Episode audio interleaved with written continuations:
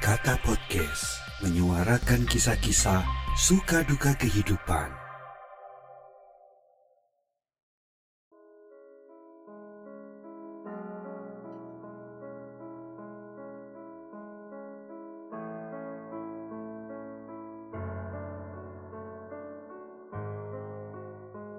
Halo, ketemu lagi dengan Kata Podcast kali ini. Gimana kabar teman-teman? Semoga kabar teman-teman tetap bertahan dengan baik dalam situasi yang kalau dari media ya ini cukup mengkhawatirkan. Yang membuat khawatir tentu saja nomor satu masalah kesehatan. Tetangga gue beberapa hari yang lalu meninggal. Cepat sekali. Karena kayaknya terpaparnya dua hari sebelumnya lah kira-kira seperti itu. Terus sekitar dua hari kemudian sudah kembali dipanggil oleh Yang Maha Kuasa. Memang kalau dilihat-lihat terlepas orang itu udah mulai capek terhadap masalah pandemi ini. Tapi teman-teman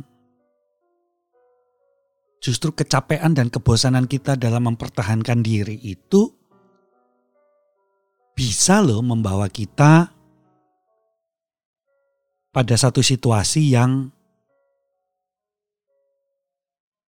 lebih parah. Covid Delta benar-benar cepat penyebarannya. Efeknya pun kayaknya makin gak kenal ampun gitu.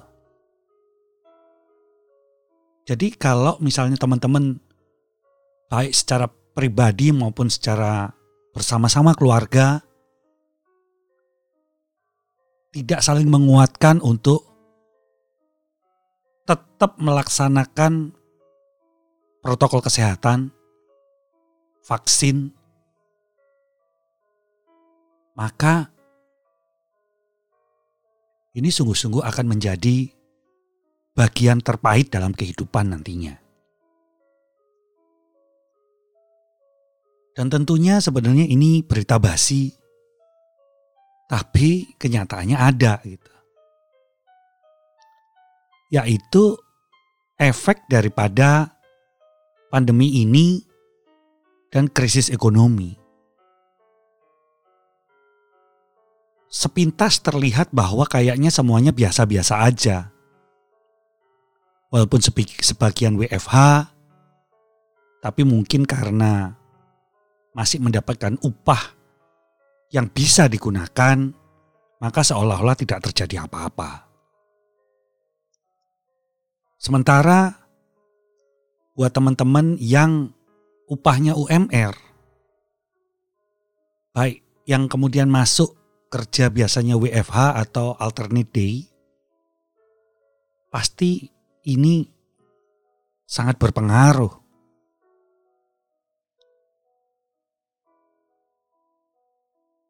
Uh, tagihan-tagihan nggak mungkin dibayar separuh kan.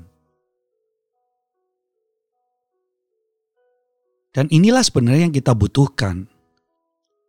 Bahwa arus konsumsi memang memang harus didorong agar ekonomi berputar kembali dengan baik. Tapi dengan adanya pandemi ini, semakin buruknya situasi, ini perlu dipikirkan juga oleh pemerintah. Bisa nggak sih ngerem dulu cicilan-cicilan, baik perbankan maupun terhadap lembaga keuangan non-bank termasuk pinjol-pinjol yang legal. Ini situasinya udah parah. Tolong agar dilihat juga kemampuan untuk membayar itu loh. Jangan menutup mata bahwa banyak yang bahkan untuk pinjaman legal pun susah untuk membayar. Bila nggak ada peran serta dari pemerintah dalam menghadapi pandemi ini dan efeknya di bidang ekonomi secara nyata pada masyarakat, kita mesti nunggu apa lagi?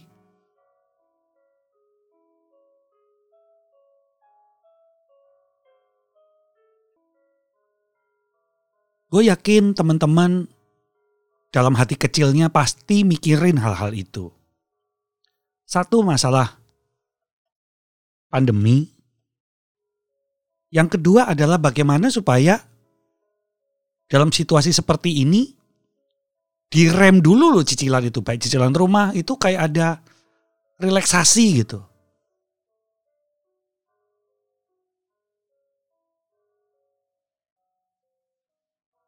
relaksasi itu bukan hanya untuk perbankan ya, tapi juga berlaku untuk lembaga keuangan non-bank, pembiayaan, pinjaman online. Tolonglah didengar hal ini. Tapi ya jangan didengar aja. Jadikan apa yang didengar itu menjadi sebuah langkah nyata. Para menteri juga gitu, jangan hanya tunggu instruksi, tapi berani memberikan usulan. Toh semua udah ada di bidangnya masing-masing. Rakyat mempercayakan membayar pemerintah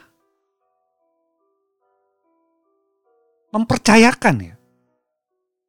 Kalau tidak dilaksanakan, ya terus gimana? Ini negara, ini bangsa yang harus dijaga, dilindungi, dirawat.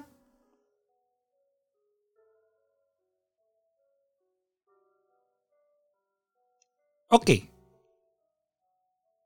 agak beranjak sedikit ke bidang masalah ekonomi kreatif.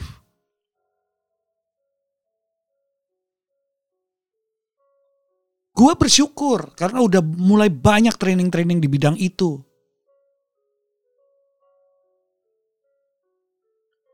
Cuman setelah training itu dilakukan, wadah-wadah stimulinya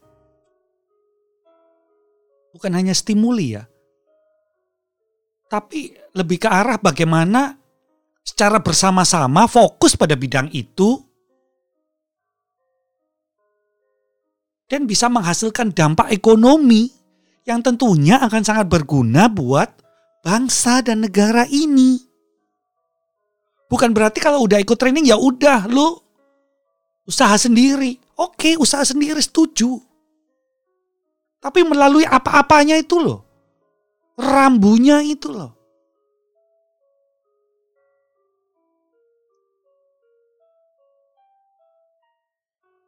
Jadi ada tiga permasalahan ini tadi yang gue ngomong. Satu masalah pandemi. Bagaimana kita menekan menjaga diri agar kita tetap sehat dan bertahan hidup. Kecuali lu udah perusahaan hidup deh. Udah muak sama hidup lu. Hidup lu udah kayak tai. Gue gak bisa ngomong masalah itu. Yang kedua, yang ada imbasnya juga pada sektor ekonomi. Bagaimana kalau cicilan itu mendapatkan relaksasi?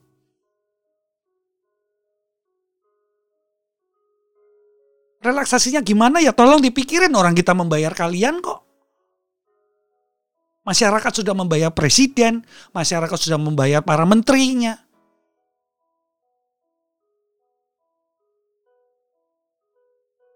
Bukan hanya perbankan, tapi juga lembaga keuangan yang lain.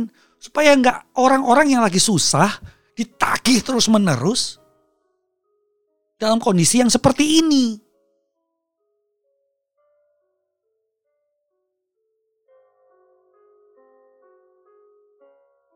Yang ketiga, kalau mau fokus di bidang ekonomi kreatif, satu hal sudah pasti, training-training itu berjalan. Pelatihan-pelatihan berjalan. Tapi setelah pelatihan itu, berikanlah masyarakat ini wadah-wadah inkubasinya. Jadi pasti gitu kalau ekonomi kreatif pasti jadi duit. Duit yang berguna untuk masyarakat, duit yang berguna untuk bangsa Indonesia ini sendiri. Ini bukan masalah kebanyakan orang kok. Ini masalah bagaimana fokus dan menetapkan langkah-langkahnya. Toh semuanya pinter-pinter kan? Emang ada menteri yang gak pinter? Emang masih dipakai menteri-menteri yang gak pinter?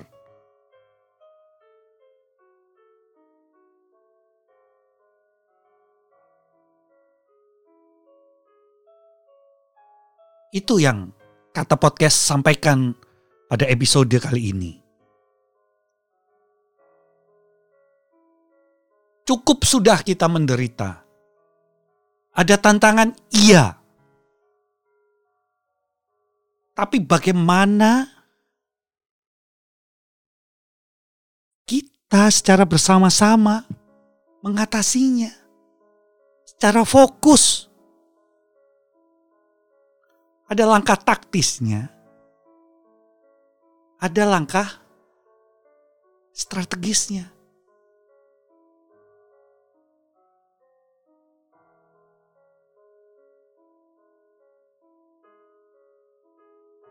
Akan sangat menyedihkan kalau misalnya masyarakat setelah training berbondong-bondong bikin konten YouTube supaya dapat duit dari YouTube. Gak ada jalan lain gitu? Supaya bangsa Indonesia ini yang justru mendapatkan lebih banyak keuntungannya yang digunakan untuk masyarakat. Kita nggak hanya perlu trainingnya saja, kita perlu wadah-wadah inkubasinya.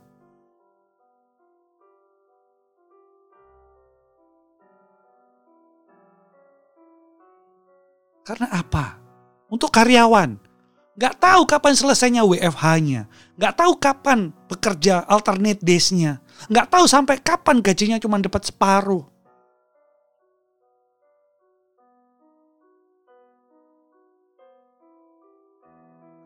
Apakah kita sedang didorong untuk berkompetisi dalam kegelapan?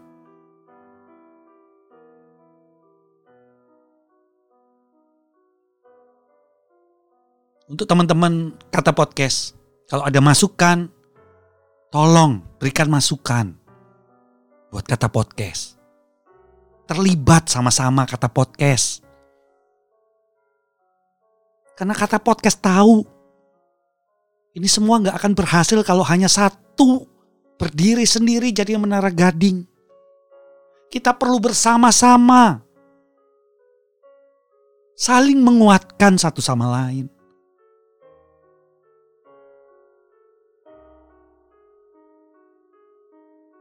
Sudah cukup rasa simpati saja. Ayo kita mulai berimpati.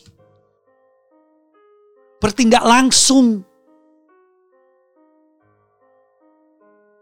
Karena zaman ini sedang tidak baik-baik saja.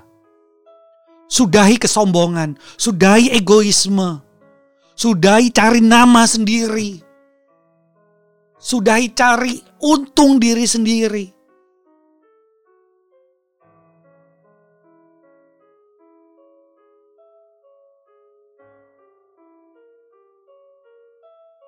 Semoga teman-teman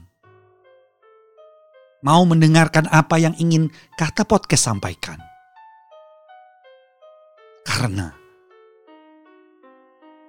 bukankah kita akan senang bila kita mengisi kehidupan kita tetap dalam kasih sayang, tetap saling menguatkan, bukan menjadi manusia-manusia yang kehilangan empatinya. Sampai ketemu lagi.